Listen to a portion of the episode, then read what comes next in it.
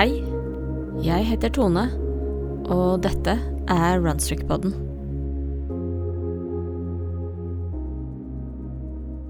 Hei og velkommen til Runstrick-podden. Eh, I dag så har jeg besøk av tre kvinnelige løpere, og de har alle det til felles at de liker å løpe veldig, veldig langt. Og alle tre gjennomførte i september Spartatlon. Og hva er Spartatlon?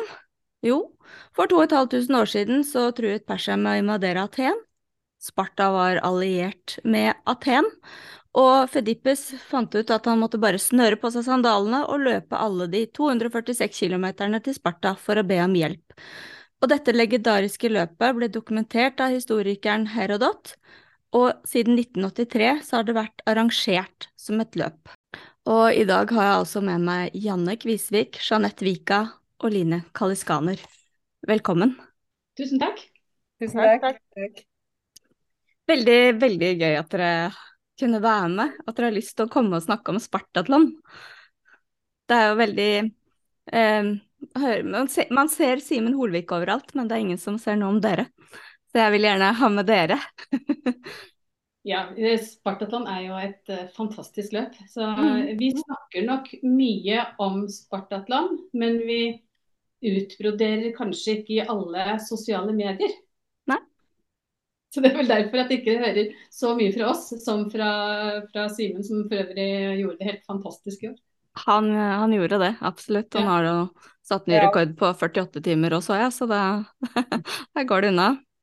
Men, ja, for min del, ja, for min del så er det også at når man forbereder seg til et så stort løp, så eh, er jeg bygd sammen sånn at eh, da trenger jeg å holde på litt i fred. Mm.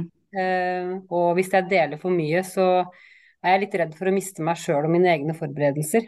Skjønner. Jeg tenkte, uh, det, ja. Kunne dere kanskje presentert dere litt selv? Uh, si litt om noe om bakgrunn og tidligere løpserfaring, for dere er jo ikke akkurat ukjent når det kommer med lange løp, noen av dere. Kan ja, velge selv. Jeg kan, jeg kan starte. Line Kaliskaner heter jeg har jeg jeg måtte, Tidligere i dag så måtte jeg inn på DUV, som er det internasjonale registeret over alle ultraløp. Eh, og det står registrert hva man har gjort. Så jeg måtte inn der for å sjekke når begynte jeg egentlig med ultraløp. Ja. Da så jeg at mitt første ultraløp, som da er alt over 42,2 km, det var i 2017. Da løp jeg Bislett indoor 50 km. Eh, samme året så løp jeg også Bislett 24 på slutten av året. Mm. Uh, og så har jeg Så jeg hadde løpt egentlig ultra siden 2017. Og utover Bislett så løper jeg vel første 100-milsløpet i 2019. Og så har det egentlig de siste årene vært der, Hvor lengre det er, hvor bedre er det. Det er mm. der jeg trives best. Ja. ja. Ikke sant. ja. Jeanette, du Ja, nå sitter jeg bare sittende og hører på Line og sammenligner litt mye årstall fra meg. Eh, selv. Eh, vi har vel løpt i ti år. Eh, begynte vel i første sånn i 2014, tror jeg. Da var det Oslofjorden rundt, hvor jeg ikke løp rundt, der jeg løp i Sandvika. Der var vi en god gjeng. og Det var som en del av opptreninga til min første 100 mile, som jeg skulle løpe tech. Og det ble da 2015, tenker jeg. Som jeg løp etter inspirasjon fra min mann, da, som hadde løpt det året før, så tenkte jeg da skal jeg søren meg gjøre det, jeg også. Jeg mm. hadde løpt maraton bare én gang før, og gikk rett fra maraton til en 100 miles, da. Mm. Du var support for han, var du ikke det, under jo, hans tech? ja, han, jeg var, dro var support for han og skulle eh, være en pacer gjennom natta. Og så hadde ikke han dagen sin, så jeg turte ikke å la han løpe aleine hele natta. Så jeg endte med at jeg bare blei med. Og da hadde jeg plutselig løpt 60 km uten å være forberedt en natt. Og det inspirerte meg da til å løpe min egen 100 miles året etterpå. Eh, og det året så var det Da fikk jeg prøvd meg på mye. Da fikk jeg også 24 timer på en tredemølle inn i Expo-teltet under Oslo Maraton. Og da for å samle inn penger til Barn på flukt. Mm. Noe som jeg gledelig hadde gjort den dag i dag, i hvert fall i den tida vi er i nå. Ja. Um, så etter det så har det gått litt sånn slag i slag. Da når jeg starta, så det var ikke så Ultraløp var liksom på vei opp. Mm. Jeg husker det Jeg fikk mye oppmerksomhet og, og, og, det var mye interesse rundt de tingene jeg gjorde.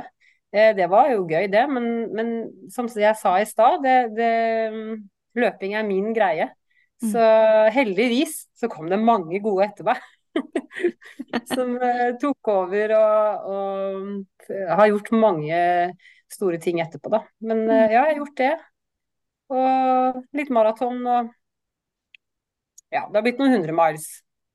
Jeg, jeg føler Jeg, jeg eh, holder ikke helt trekk, men jeg har fått oppleve mye morsomt og spennende. Mm. Så bra. Janne? Det var morsomt Jeanette sier at løping er hennes greie. Jeg tror ikke løping er egentlig ikke min greie, og det er litt sånn rart. Eh, jeg husker jo første gang jeg så Jeanette, og det var jo eh, ja, på hotellet i Oslo etter at jeg hadde vært med på Ecotrail. Jeg var så starstruck at jeg visste ikke hva jeg skulle gjøre av meg. Så det er så morsomt. Eh, jeg var faktisk allerede i 2014 da jeg løp første ultraløpet mitt. Og det var rett og slett for jeg hadde en venninne på besøk som hadde begynt å trene litt. Og litt, litt, litt, mye Prosecco i glasset, så begynte hun å foreslå at kanskje vi skulle dra og løpe Birken. Jo, så så vi på det, og så tenkte jeg vi gidder ikke å reise så langt for å løpe 20 km. Så da meldte vi oss på Ultra-Birken. Ja. Eh, jeg sjekka også, jeg har lært av Lina at jeg må sjekke DUV. Og da, da fant jeg det. det jeg tror det var, det var, tre løpere bak oss i mål. Eh, så vi, det gikk ikke veldig fort, den der løpinga. Men vi var kjempelykkelige. Jeg husker følelsen. Mm. Og vi ble ropt opp som superdamer når vi kom over målstreken. Men vi visste jo ikke at vi var sist, da, men, og ble intervjua i mål. Og, og jeg syns dette var kjempegøy. Venninna mi slutta å løpe. Eh, eh, men jeg har ikke løpt sånn veldig mye. Jeg løp litt sånn lokale løp. Eh, sånn Farris Ultra, som var i Larvik her hvert år. Mm. Og så av en eller annen grunn, husker ikke hvorfor, så fant jeg at jeg skulle melde meg på den der Oslofjord Rundt i 2020. Og der møtte jeg jo Line. Eh, og fikk jo en eh, fantastisk tur der, og en fantastisk venn. Og da må jeg bare være med når Line sier at man skal dra og løpe noe sted. Så må jeg bare være med, da. Så nå, bare, så nå bare fortsetter jeg litt sånn fordi at uh, det er så hyggelig med disse folka. Men jeg er fortsatt, fortsatt ikke sikker på om jeg er så veldig løping er min greie. altså. Nei, nei. nei. Men så lenge du har det hyggelig, så er det bra? eller? Veldig hyggelig har jeg det. Ja, det der kan jeg bekrefte. Eh, på sengekanten dagen etter vi hadde gjennomført Spartatlon, så sier jeg til Janne at vi må dra tilbake neste år. Nei, du, løping, det er, det er ikke noe for meg. Dette har jeg gjort og jeg bare oh, ja. Nei da, så jeg kan bekrefte det. Jeg møtte for øvrig Første gang jeg møtte Janne, som vi løp eh, sammen, da det var Paris Ultra. Ja. Det er et løp jeg også, ja. Mm. Veldig fint, som skulle jeg ønske kunne fortsette. fortsette. Mm. Ja. ja. jeg og Janne har jo også hatt noen runder sammen på løp. Og da var løping heller ikke noe på Janne. Og da gikk vi rundt i hell. Ja. Det var hyggelig det jo, da. Det var veldig hyggelig. Ja. ja, men tilbake til temaet. Hvorfor eh, Spartatlon? Hva er det som trekker der? Ah, kan, jeg kan, jeg starte? Vær så god. Uh, jeg satt en høst i 2018. Mm. Uh, jeg tror jeg var litt kjei, jeg hadde vært litt småinfluensa og sånn. Og så um, jeg så kom det opp på sosiale medier en dame som løp et løp nede i Hellas. I et forrykende vær. Mm. Det var Cecilie Holmgren. Yeah. De bildene som crewet hennes da posta under hennes løp, for hun løp jo da Spartatlon 2018, eh, de trigga et eller annet hos meg. Så jeg begynte å google det løpet. Jeg hadde aldri hørt om Spartatlon før. Jeg har kanskje hørt om det, men hadde i hvert fall ikke lagt merke til det. Eh, hvor eh, jeg forsto at hun løp jo i et vær som ikke var helt vanlig. For det, det, i 2018 så var det jo skikkelig storm når, når de løp. Allikevel så Jeg kjenner jeg begynner å skjelve nå når jeg snakker om det. fordi det, det jeg så Cecilie gjorde der, når hun kom fram til eh, statuen av Leonidas, og det jeg så det bildet av henne hvor hun står og tar på føttene hans, mm. så tenkte jeg søren steike, det løpet der, det skal jeg også gjøre en gang når jeg blir enda mm. større. Uh, så der uh, Takket være Cecilie, så så begynte i hvert fall min ferd mot Spartatlon da, i 2018. Eh, og at jeg skulle få mulighet allerede året etterpå, i 2019, mm. det kom som et totalt sjokk. For jeg tenkte at det skulle ta enda lengre tid før jeg klarte å kvalifisere meg til å være med, da. Mm. Um, så uh, der starta det for meg. Mm. For man må kvalifisere seg for å, for å bli med? Ja, det er et minstekrav som du kan få, da er du med i trekninga for å være med. Mm. Og så er det også et uh, direkte kvalifiseringskrav. Mm. Hva er Som det? vi har begynt å jage litt mer etter, da, selvfølgelig, når vi har blitt litt tøffere. Ja, ikke sant. Hva, hva er eh, jeg håper å si, vinner, for å få et lodd, og hva er direkte Ja, på, det er jo forskjellig, da, men på 24 timer Mm. eh, så må du, løpe, må du som kvinne løpe minst 170 km. Ja. Og når jeg har eh, gjennomført løpet noen ganger nå, så tenker jeg at eh, du burde ikke å, å gjennomføre bare 170 km i, i gåsetegn Mm. på en god dag. Fordi du burde være Du burde være god for litt lenger Mye mer? Mm. Ja, mye mer. Eh, det er i hvert fall min mening, da. Mm. Når man har gjennomført og stått gjennom løpet, så skjønner du at ja. Mm. Mm. For menn så er det vel, eh, jeg husker ikke, 180-190 på Ja. 24-timersløp. Og direktekvalifisering for kvinner er vel to Det kan Line mer enn meg, 212,5, er det ikke det? Ja. Det er 25% mer enn minstekravet. Ja. Ja. Mm. Da er man automatisk kvalifisert. Ja, ja.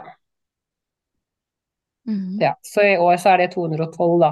Hvis Mm. man skal kvalifisere seg direkte for neste års løp. Mm. Mm.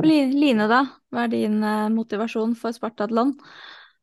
Ja, min motivasjon det, Jeg hørte første gang om Spartatlon i Om det var i 2015-16, der omkring, tror jeg. Jeg var på et sånt uh, tredagersløp i Bohuslän i Sverige, Iceberg Experience. Mm. Og der var det en som heter Rune Larsson. Han er en, eh, en av på en ultralegendene i Sverige, som Mm. har gjennomført Spartatlon ti ganger i hvert fall, tror jeg. Mm. Han fortalte bl.a. om Spartatlon på et sånt foredrag han hadde i dette, på dette arrangementet. Så fortalte han da om, så Første gang jeg hørte om Spartatlon, så fortalte han at han da hadde løpt seg til sykehus ni av ti ganger. Ja. Så tenkte jeg dette er jo på en måte helt galskap, og dette er jo crazy. Det å løpe så langt, 246 km. Og så har jeg ikke tenkt noe særlig på Spartatlon i flere, i ganske mange år. Og så i, for to år siden, høsten for to år siden, så sier Janne så sier hun at men du Line, skal ikke vi prøve oss å komme på Spartatlon? Det er varmt, det er asfalt. Det er to ting vi liker. Det er det beste, det er, det er noe av det beste vi får. Det er asfalt og varme. Mm. Og så var jeg litt sånn ja, ja jeg, jeg vet jo ikke det. fordi at jeg husket jo fra denne her fortellingen fra Rune Larsson. Så var jeg litt sånn usikker på det. Og så eh, snakket vi egentlig ikke så veldig mye mer om det. Og så kom vi til lurer på om det var i romjulen ja, det året, da i 20, 2021. Eh, hvor det var Magnus Toru var på I det lange løp-podkasten Mm. og fortalte om Spartatlon, for da hadde han det året vært med på Spartatlon. Um, og må, hva det han fortalte, og hans formidlingsevne og hans opplevelse av det løpet. Mm. Etter det så, så, så, så sa jeg til Janne at du, jeg tror vi må melde oss på, eller prøve å komme med. Ja. Så da, så da gikk vi, så da registrerte vi oss. Da, det var et sånn åpningsvindu hvor man kan registrere seg mellom 25.1 og 25.2. Så da både jeg og Janne sendte inn, for vi hadde begge to kvalifisering Vi hadde ikke direkte kvalifisering, men for å kunne være med i loddtrekningen. Mm. Uh, og jeg var så heldig å bli trukket ut, så jeg løp også Spartatlon i fjor. Janne kom, ble sittende på ventelista, kom ikke helt opp. Men eh, hun var med som mitt, crew i fjor, så vi hadde en fantastisk opplevelse Mm. av det. Eh, og Spartatlon er, er For meg så er det et det er, eh, det er årets store happening. Det er det beste løpet som finnes. Og jeg var ikke i tvil da jeg kom i mål i fjor at dette vil jeg gjøre igjen. Mm. Og jeg sier det fortsatt. Spartatlon er min greie. Jeg elsker Spartatlon. Det er hele opplevelsen, det er hele løpet, det er arrangementet. Det er alle menneskene. Uh, ja, det er, det er en ubeskrivelig, et ubeskrivelig løp, rett og slett. Mm. Og du da, Janne, du som eh, jeg i fjor måtte stå på sidelinjen, men i år faktisk fikk lov til å delta, du også? Ja, gud. Ja. Ja, vet du, jeg sa jo det til Line, jeg husker ikke hvor jeg hadde fått det fra. Men det var jo det at når vi løp Oslo for rundt første gangen, så var det jo over 30 grader. Mm. Og det å løpe inn mot Oslo, kan tenke jeg på asfalten innover mot Oslo på, på, Drammen, på motorveien. Og vi begge to Å, dette er helt fantastisk! Det er jo ingen andre som syns det er helt fantastisk 30 varmegrader på asfalt. Så, så det var liksom tanken min. At oi, dette er jo helt Men jeg tenkte jo aldri at jeg skulle melde meg på. Jeg, jeg, må jo være så ærlig. Jeg hadde jo ikke gjort det. Vi hadde ikke sendt inn en søknad hvis ikke Line hadde sagt at Janne, du, nå skal vi sende søknad. Eh, verken i fjor eller i år. Altså, det, det, det, her hadde jeg ikke gjort. Eh, jeg må ha noen som bare får meg til å gjøre sånn galskap. jeg vet ikke. Ja. Men når Line eh, sier eh, meld deg på, så melder jeg meg på. Det er lett å overtale. Ja, men Hør på disse to, de er så entusiastiske. Da veit vi hva vi skal alt, si til deg i år, da. Ja, men Alt høres jo så gøy ut når de, når de får det for seg at dette her er gøy. Mm -hmm. og jeg var jo med og kjørte i fjor, ja. Og jeg hadde litt sånn i år at bare herregud, hvorfor skal jeg løpe? Kan jeg ikke bare kjøre bil, da? Det funker jo det òg. Men, eh, men, jeg er med når de andre er med. Ja. Og det er som sagt, jeg er sånn der sosialløp. det er så hyggelig å være med. Å være på et lag og, og få være med på en sånn gjeng. da. Og det mm. kjente jeg litt på i fjor, når de liksom tok lagbilde utafor det startnummeret. At jeg var litt sånn misunnelig å ikke mm. få være helt en del av laget, liksom. Selv om jeg, jeg ble inkludert, så var liksom Jeg var ikke helt med, da. Ikke helt i gjengen, bare Nei. nesten. Så for ja. meg er det å få lov til å være en del av gjengen, det er liksom det som er viktig, da.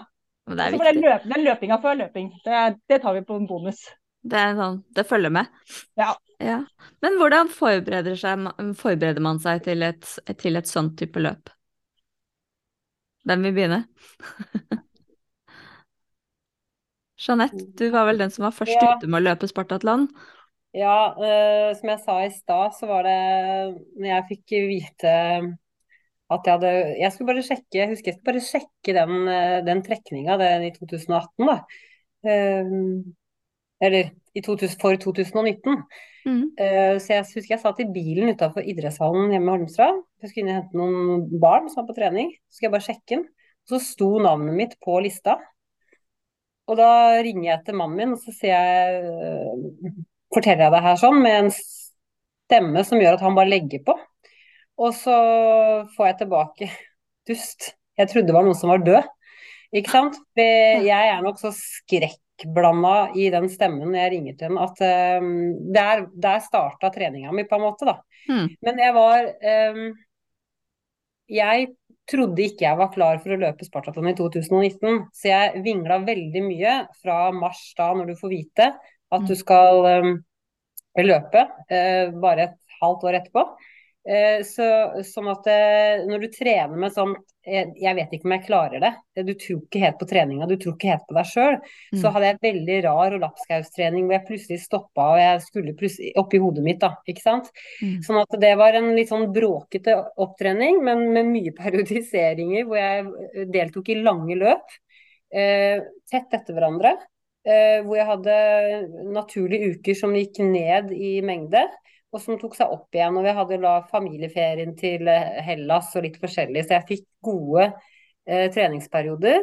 Som antageligvis gjorde meg litt for sliten eh, i forhold til totalbelastning nå. Ungene var jo da eh, mindre og yngre mm. enn de er nå. Så den måten jeg har trent meg opp på til i år, var nok en som ga meg mer energi, da.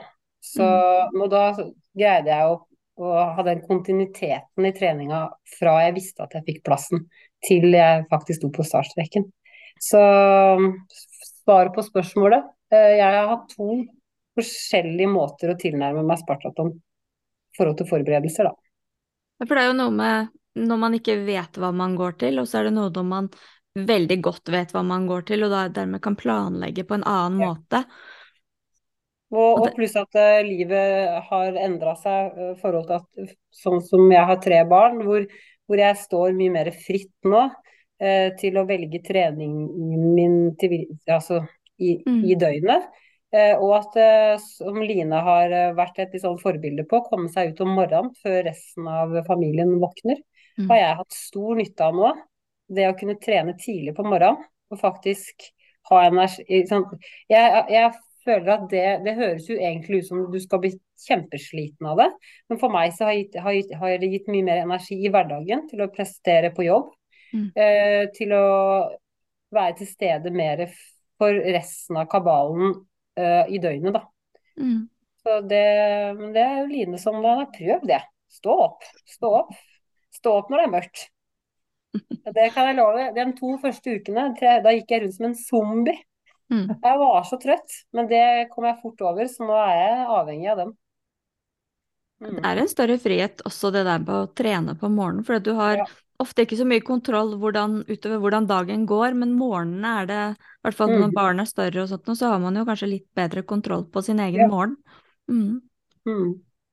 Og Line da, hvordan har du din trening vært i forhold, nå i forhold til forrige gang, eller hvordan er Nei, oppkjøringen? har eh, Når jeg fikk plass i fjor, så fikk jeg jo da så Jeg brukte liksom et par uker på å få eh, sjokket litt ut av eh, Komme over det første sjokket. Eh, Mm. Det var både sjokk, og det var glede, og det var frykt, og det var lykke. og ja, det, var, det var en sånn eufori av følelser som slo gjennom meg når, jeg oppdaget at jeg hadde fått plass. Så etter to uker så fant jeg ut at jeg skulle at jeg kanskje skulle skaffe meg en coach. At det kanskje ville være lurt. For da blir man eh, Jeg hadde jeg hadde troen på at jeg skulle klare det på egen hånd. Det hadde jeg. Jeg har eh, trent eh, jevnt og mye i lengre tid med, med på en måte en jeg, jeg løp veldig mye, da. Så, men så tenkte jeg at jeg skulle stille på startstreken med litt lavere skuldre og være litt tryggere på, på det. Og så tenkte jeg hvorfor ikke jeg tester det ut. Så da kontaktet jeg Sondre Amdal og begynte samarbeidet med han 1.4 i fjor. Så jeg har jo hatt Sondre Amdal hjelp av han både for løpet i fjor og i år. Eh, klart I fjor så visste Når vi startet samarbeidet, så kjente ikke han til meg og hva min eh, kapasitet og hva jeg kunne og sånne ting. Og så klart at i, i løpet av det halvannet året da, som jeg har hatt hjelp av ham, så har jeg utviklet meg enormt. Eh, jeg har fått struktur, jeg har fått eh, jeg, blir, jeg, jeg pusher meg selv på en helt annen måte enn hva jeg gjorde før, når jeg bare var ute og løp og ikke pushet ikke noe fart i det hele tatt. Mm. Så, så i år så hadde jeg jo helt klart at jeg eh, hadde en helt annen innstilling til, eh, til Spartatlon. Jeg visste hva jeg gikk til. Jeg visste hva jeg var god for. eh, og hadde store forventninger.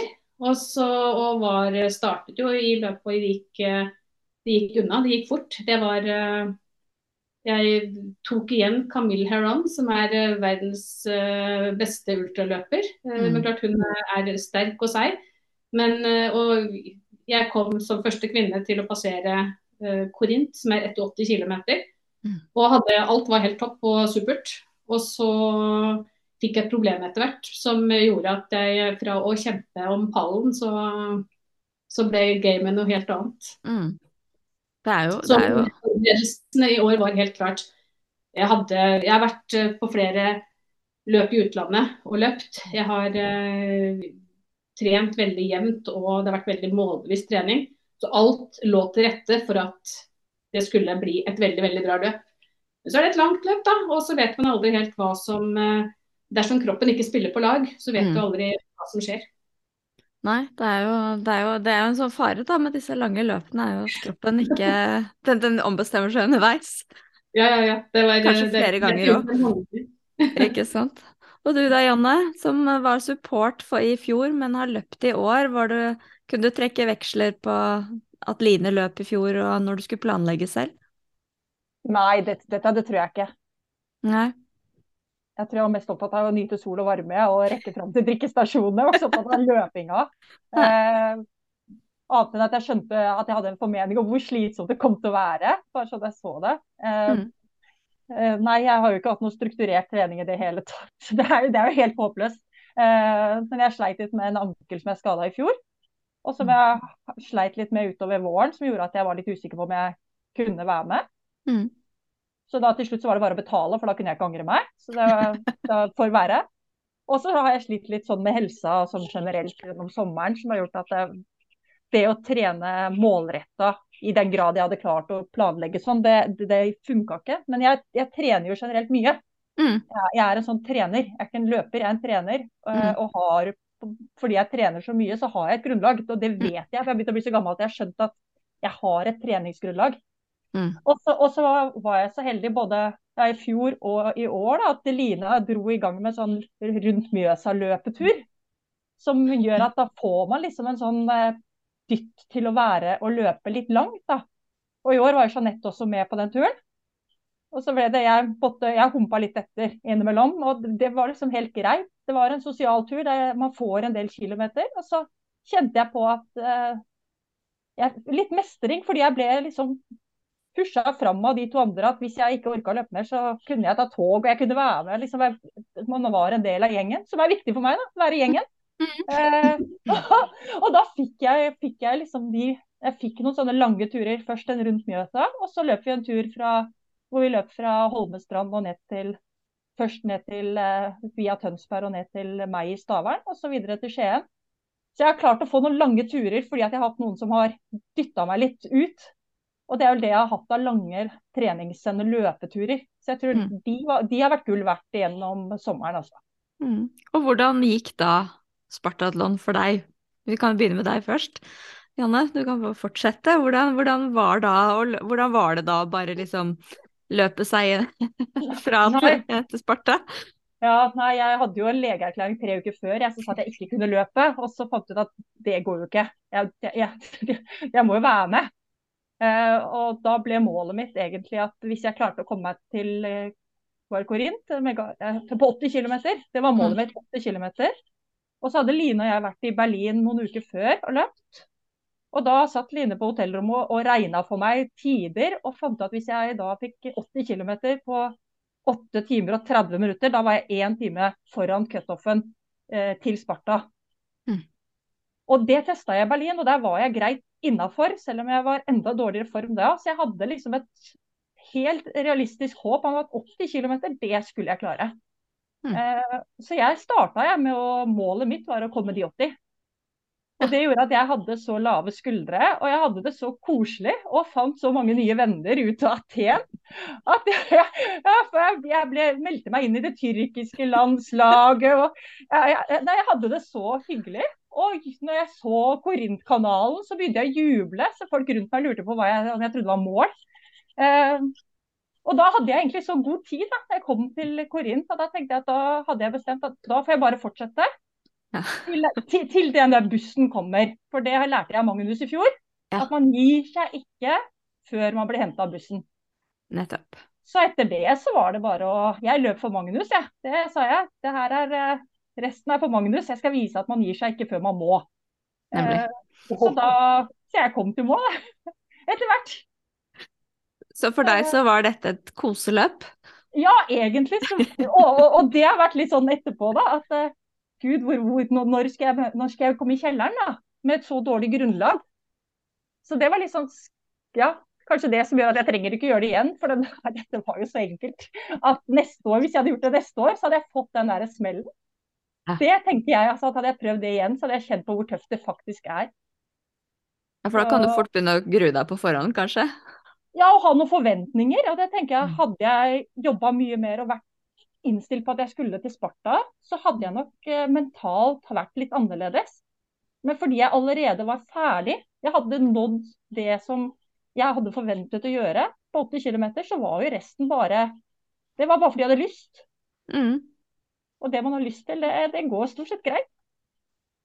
Ignorance is bliss, er det noe som heter. Man Ja, vet er- ikke hva man går til, og da kan man liksom bare Nei, og så er det sånn Line sier, det er kanskje det løpet, men det er folkene rundt menneskene, opplevelsen, eh, både deltakere og disse på stasjoner og Mm. publikum og folk i landsby som heier. Det er sånn, bare hele stemninga er jo magisk. Og hvordan var det da å få lov til å komme i mål og Du, det var, helt, det var helt fantastisk. Jeg sa at jeg skulle ikke ha flagg engang, så jeg fikk jo kjeft når jeg ikke skulle ha flagg, så det måtte jeg også ha. Så det, og det er jeg for så vidt glad for, da. Da fikk jeg kjenne litt på den æren. Og Eyolf sto jo der og, og var med, og det, det var stort. Mm. Så det Ja. Det føltes riktig? Ja, Ja, så bra. det var, det var godt å komme hit. Men jeg, sa, jeg tenkte på det da, at jeg sto jo der i fjor når Line kom i mål. Mm. Og når Line kom løpende opp med flagget i fjor, så står jeg med tårer i øynene. Det var en sterkere opplevelse å være crew og se eh, Line løpe opp enn å, enn å løpe opp Mm. selv. Ja. Men det kan hende fordi man er sliten. Jeg vet ikke. Jeanette, din, eh, din vei gjennom eh, løypa i år, og kanskje Ja. litt forrige gang òg. Ja, nei, jeg, det, jeg fikk det spørsmålet av Simen. Han spurte meg ja, stund før årets løp hva, hva målsettinga mi var. Det er jo sånn, Sånne spørsmål er det dummeste du kan spørre meg om. Da blir jeg vrang, og så sier ja, det deler jeg i hvert, ikke, i hvert fall ikke med noen. Eh, men, eh, ja, men han spør jo for han er sånn, fordi han bryr seg og lurer på det. Og det, det jeg svarte Simen da, var at eh, Eh, For da måtte jeg liksom, ja, hva, hva er det? Det er å løpe med lavere skuldre enn jeg gjorde i 2019. Og kose meg litt Mm. mer gjennom løpet. Det høres rart ut, men det er fordi i 2019 så visste jeg ikke hva jeg gikk til. Jeg hadde nesten ingen å spare med. Cecilie Holmgren var som sagt den første norske kvinnen som gjennomførte. Eh, Det var jeg og Ninette og Cecilie som reiste ned eh, det året. Vi hadde ikke, det var ikke noe Spartaton-laug ennå. Jeg kjente ikke Eyolf ennå. Eh, så det, jeg reiste ned ganske aleine, og, og visste egentlig ikke hva jeg gikk til. Så, så Magnus sier ofte 'lille Magnus'. Jeg var meget lille Jeanette Svika når jeg sto på startstreken i 2019. Og jeg løp og kava veldig i 2019. Um, løp på cutoff, veldig nærme cutoff hele veien. For det var det jeg hadde trent på for å klare. For jeg trodde ikke jeg var bedre enn det. Eh, Så sånn at jeg var sterk i hodet gjennom hele løpet, for jeg kom i mål. Eh, Men jeg forberedte meg på en annen måte denne gangen, for nå visste jeg at jeg kunne klare det. Men jeg hadde også en annen respekt for løpet. Eh, noe som satt meg egentlig, altså jeg har ikke sagt til Line og Janne egentlig, men jeg, jeg fikk et veldig stressmoment eh, siste døgnet før eh, vi starta i år. Som, ikke, som, som, som antageligvis gjorde at første delen av løpet nå i år var litt kavete for meg. Eh, anstrengt. Jeg tror jeg var, jeg var redd for alt som kunne gå gærent, på grunnlag av hva jeg visste holdt på å gå gærent sist. Mm. Eh, så Så jeg starta med litt kaving i år, eh, men så løsna det. Eh, jeg, jeg tror jeg kasta opp rundt 30 eh, når jeg bare hadde løpt 30 km. Mm. Og det tror jeg var det var alt liksom litt sånn låste seg. Og så begynte det å løsne. Så rundt 50 km, da det nesten svartna i 2019, så hadde jeg kontroll. Og fra 50 km i år så Jeg fikk ikke så mye venner under løpet, som Janne snakker om, men, men jeg kosa meg. Og jeg hadde full kontroll på Korinko-kanalen. Um, uh, jeg, eh, jeg gleda meg over alle de stedene jeg huska igjen fra 2019. Alle de stedene jeg ikke huska, som jeg endelig fikk se. Eh, over fullmånen, som eh, lyste klinkende klart hele natta. Mm. Eh, ja, så den gjennomføringa i år, den var eh, for meg eh, ganske så magisk som på å være til stede, da. Mm. Ja, og jeg var aldri i tvil i år om jeg kom til å komme i mål. Høres litt sånn cocky ut. Men, men jeg visste at så lenge jeg setter det ene beinet foran det andre, i den, selv hvor sakte det gikk etter at jeg, eh, jeg ødela ankelen etter 140 km, Mm. så, så visste jeg at da kommer jeg til å komme i mål. Det er noe med at man gikk- kommer til et punkt, eh, kanskje. Jeg hadde jo, jo, når Simen spurte om det, da. Jeg, jeg hadde jo også et mål om å løpe noen eh, opptil noen timer raskere enn forrige i 2019. Det sa jeg ikke til noen, men det hadde jeg jo. Men det, det røyk med den ankelen som nesten ikke var løpbar de siste 100 km. Så, så, så Men da, var bare, da bare snudde man om på hva målsettinga var, da. Og så var det å komme i mål. Litt raskere enn sist, men ja. Jeg skal ned igjen. Skal ned igjen. Så bra. Og du da, Line. Hvordan, eh, hvordan var din uh, tur igjennom turen igjen. Eller det startet før, før vi startet, da, så hadde jeg eh, Når man står der og samles foran Akropolis, og så er det masse fotografer, og så er det jo droner som filmer. Det er, det er all den her stemningen. Den, eh, den kjente på i år også, som i fjor. I fjor så Jeg tror kanskje startfølelsen var ganske lik i fjor og i, i år. Eh, Selv om jeg hadde helt klart eh, mye større forventninger til meg selv i år enn hva jeg hadde i fjor. Um, startet også med Jeg hadde en sånn det, det, Jeg smiler og jeg føler liksom et sånn hjert, varme hjerte hver gang jeg tenker på det. Det var en Jeg tror det var siden i fjor så er det en, eh, en spanjol som har fulgt meg på bl.a. Eh, på både på uh, Face og Insta og Strava. Uh, og har uh, og har heiet på meg hele år. Han har heiet på meg på de her ulike løpene. og han har hadde, han hadde forventninger om at jeg skulle liksom være helt oppe blant, uh, på toppen. Uh, og ville at jeg skulle ta bilde sammen med hele det spanske laget. Så det finnes da et bilde hvor det er hele det spanske laget som er kledd i rødt, og så er det jeg i hvitt i midten. Som er litt sånn finn én feil. Ja. um, og bare den herre det samholdet som er blant løperne, blant menneskene du møter, den, at alle heier frem hverandre. Um, kom også helt i begynnelsen av løpet, så jeg lå, jeg lå på en måte da i eh, front ut fra, ut fra Akropolis. Og så kommer det også en, eh, en, tysker løpende opp, som jeg da ble kjent med i Berlin under 100-milsløpet der. Vi ble stående i et lyskryss, for der fikk vi ikke lov til å passere når det var rødt lys. Um, og han kom opp løpende opp og sa hei, jeg vil bare komme opp og si lykke til, og så trakk han seg tilbake lenge bak igjen. Så, og bare den herre når man har vært med på noen løp i utlandet, og det har jeg merket nå når jeg da i år har jeg vært med på dette ble det fjerde løpet i utlandet, og i fjor var jeg med på tre. Mm. At man da også får disse kontaktene, eh, ultraløperne utenfor Norge. Det mm. er også helt sånn magisk. Og så møtes man på sånne arenaer, typisk da på Spartatlon. Man møter igjen noen som man har truffet før. Og så får man sånn, av og til så får man sånn utrolig rask connection på eh, Og det er liksom fantastiske mennesker. Man får, eh, man får liksom oppbacking og heiing hele veien.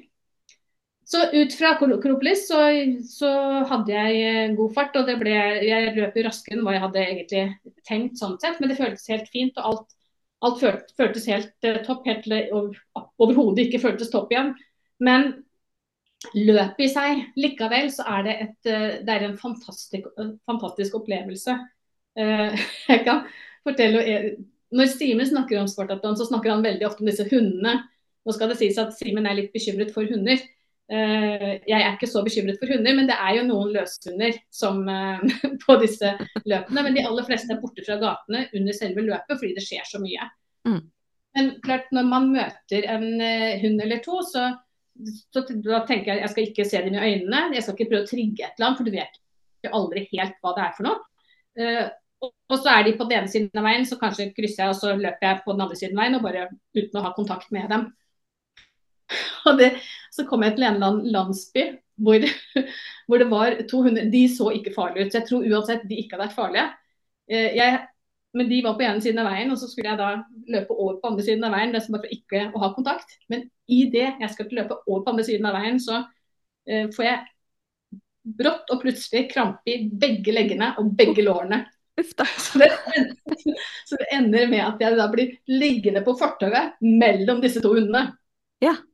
Og bare roper og skriker av smerte, for det gjorde det så sykt vondt. Ja. Så, så, disse hundene de bare så på meg, og så trakk de seg unna. De ble litt bekymret, tror jeg. Uh, men mens jeg da lå, jeg ble sikkert liggende flere minutter på dette fortauet og skrike før krampen ga seg. Det var jo ikke mulig å reise seg opp. Nei. Så kom det en bil med en, eh, noen lokale, og så, spurte, så, stoppet de da og spurte kan jeg hjelpe, skal vi hjelpe deg. Og så ligger jeg der på fortauet og så sier jeg nei, dere har ikke lov. Fordi at på Spartatos så har man kun lov til å ta imot hjelp fra sitt eget crew eller ja. andre løpere. Ja. Så da, ja, Men det ga seg etter hvert. Men det er, liksom denne, det er denne, denne, omtanken man har fra mennesker som er helt vilt fremmede. Mm. Uh, man, får, man blir tutet på, man blir heiet fram. man Eh, det er denne her opplevelsen i, i, det store og det hele da, som, eh, som gjør at det er, et, eh, det, er en, det er, et, fantastisk løp. Så selv om resultatet ikke endte som jeg ville i år, så, så hadde jeg en Spartatlon er fortsatt dypt mitt hjerte, og jeg står på startstreken neste år med helt klare forventninger. Men det er et, det er et fantastisk løp som det må bare oppleves. Det hele stemningen, det er alt. Det er, eh, det er magisk. Det er ubeskrivelig. Og eh, blir det godt og varmt, så er jeg kjempehappy. Blir det sånn som uh, Cecilie opplevde i 2018, så er jeg litt mer skeptisk, for da sliter jeg litt mer. ja, nemlig. Ja, men i år så var det Varmen i år var behagelig i forhold til den var sikkert i fjor, og, og i hvert fall i 2019. Ja, jeg syns jo det var bedre i fjor, for da var det varmere. Ja, for jeg, jeg hadde faktisk tendens til å fryse litt det grann på formiddagen. Ja. Det, det var litt kaldt når skyene kom. Og det, det var rart. Den, jeg, den, opplevde jeg ikke for noen år siden.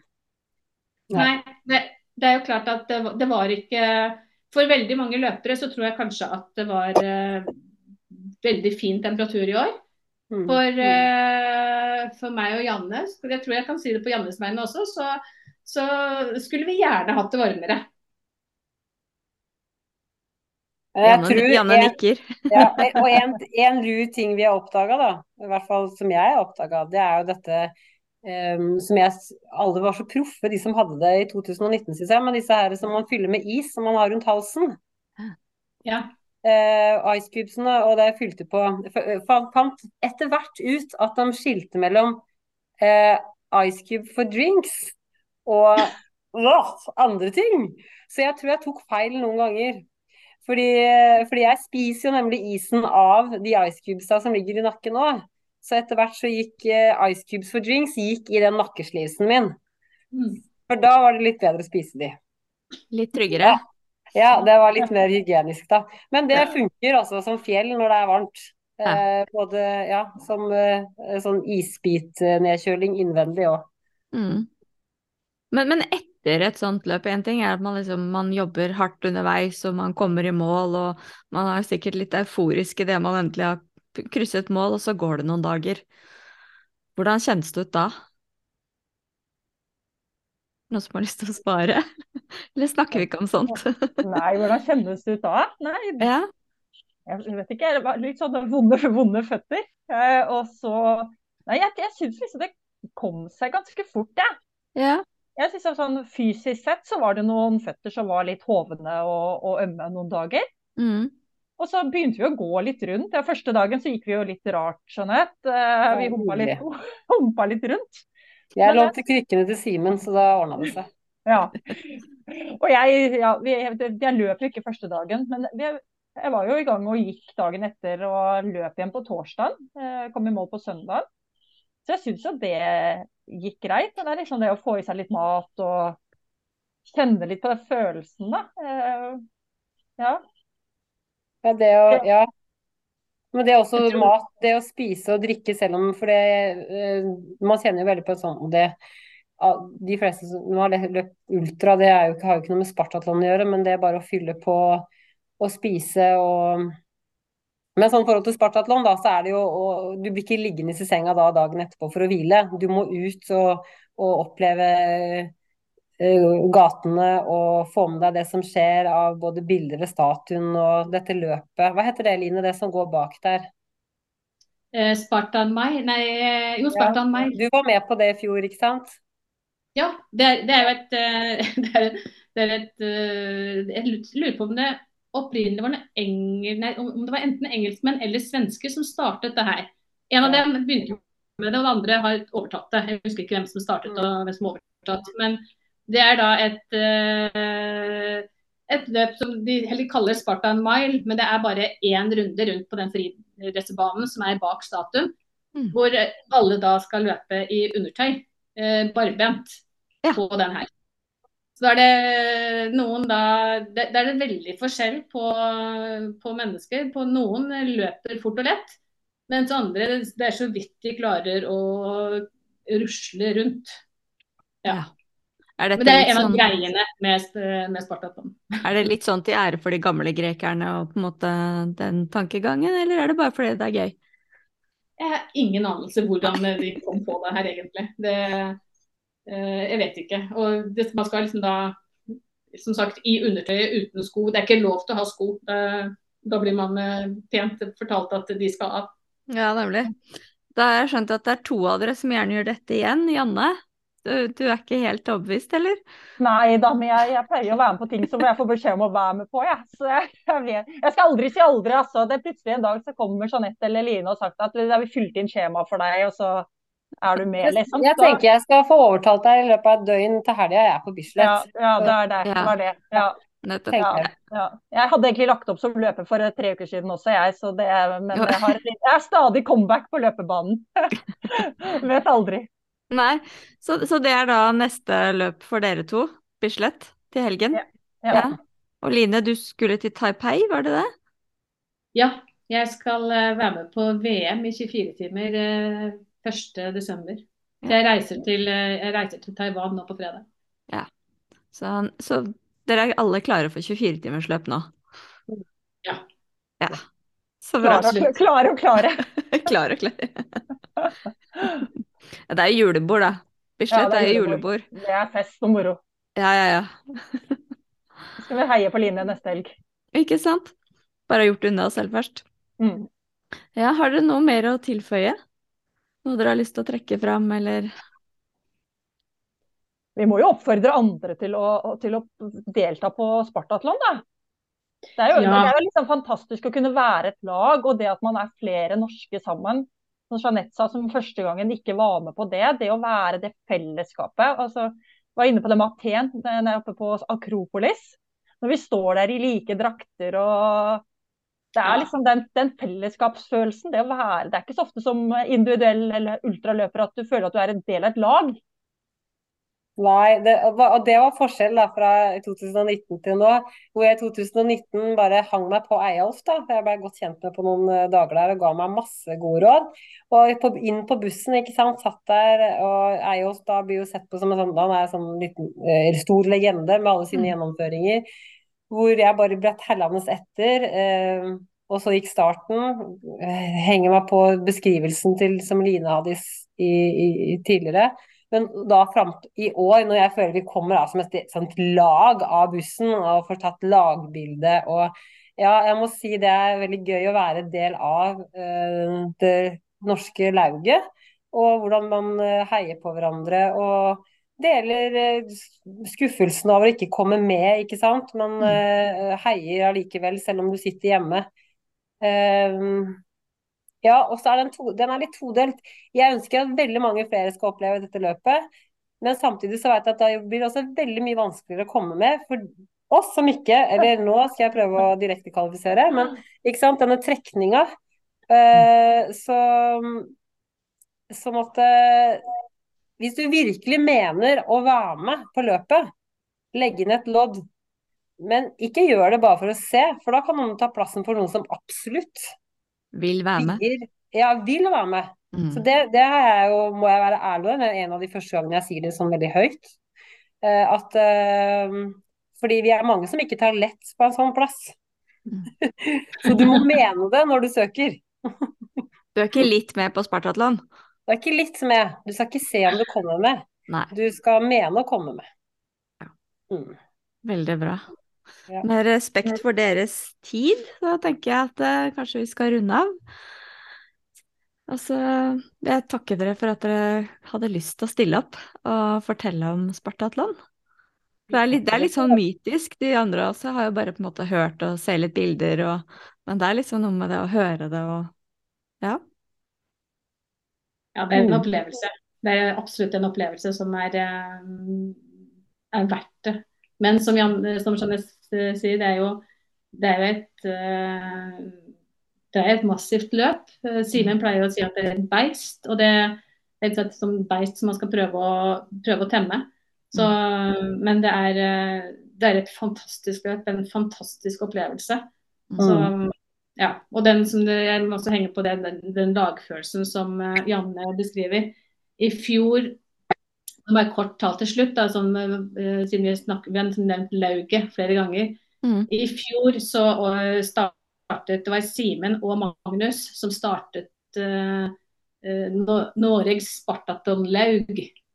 Så vi, det er en, og der er vi, på en måte, har vi medlemsnummer, og det er, medlemsnummeret er i henhold til når du, når du har fullført et, et Spartatland. Ja. Så da, i, rekkefølge. som, ja, så den første som, eh, som fullførte, han har startnummer én, har medlemsnummer én osv. Mm. Uh, og eh, inntil man har fullført, så er man på en måte på opptaksprøve til lauget. Så man blir ikke medlem av lauget før man har fullført. Men det, og det er jo en, det er en liten eksklusiv eh, klubb i Norge. Mm. Som nå er Janne er det siste medlemmet. Hun er da nummer 16. Så av alle ultraløpere i Norge, så er det jo ikke veldig mange som har fullført det. Og jeg tror at alle som har fullført, eller alle som har vært med, uansett om man ikke har fullført også, så uh, tror jeg kan beskrive at uh, hvis man liker asfalt, og man liker varme, man liker det her med å jobbe med det mentale. uh, og prøve på en måte å finne, finne de, trykke på de riktige knappene der, så, så er det en, en, massiv og fantastisk opplevelse. Det høres virkelig sånn ut. Det er nesten så jeg får lyst til, men eh, det, det kan vi ta helt med ro. Det går, kommer ikke til å gå. Men Så noen andre som er veldig seriøse, får den plassen. og det er fryktelig langt. Det er jo det. Ja, altså... 260 mentalt sett, når du hører at man skal løpe, det er Nei, man kan ikke løpe så langt, altså. Så det er jo mm. Jeg prøver å lage på at man eh, kan gjøre det uten å trene så veldig mye. Det er, det er jo bare Man trener Du må ha mm. et, du må ha et godt grunnlag i bånn. Eh, pluss en ja. Eh, vilje som får deg gjennom den natta. Ja, og det, det, det, er, bra du sier, Anne. Fordi jeg har vært veileda og, og snakka litt med noen som har ønska uh, å, å, løpe. Uh, og vi har faktisk kommet fram til at det mentale ikke er helt på plass. Mm. Du kan ikke ha Dette er min mening, da. Eh, har du for mye greier i livet ditt, mye som forstyrrer, mm. du kan ikke dra ned dit og ha noe som tynger deg. Der må du være totalt til stede eh, mentalt i det løpet.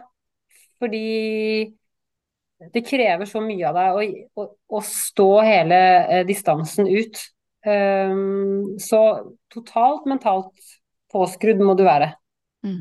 Um, det er også en Og det kommer jo med den som vi snakka om i starten, hvordan trener du deg opp til det, ikke sant. Mm. Du trener mye det mentale også i disse lange turene rundt Mjøsa, ikke sant. Hvor du tror ikke at du kanskje klarer, men du, du ser at du klarer. Så du må ha noen sånne litt monsterøkter, turer på forhånd også, bare for å, å peppe opp ditt eget hode, da, på å se at mm. dette klarer du.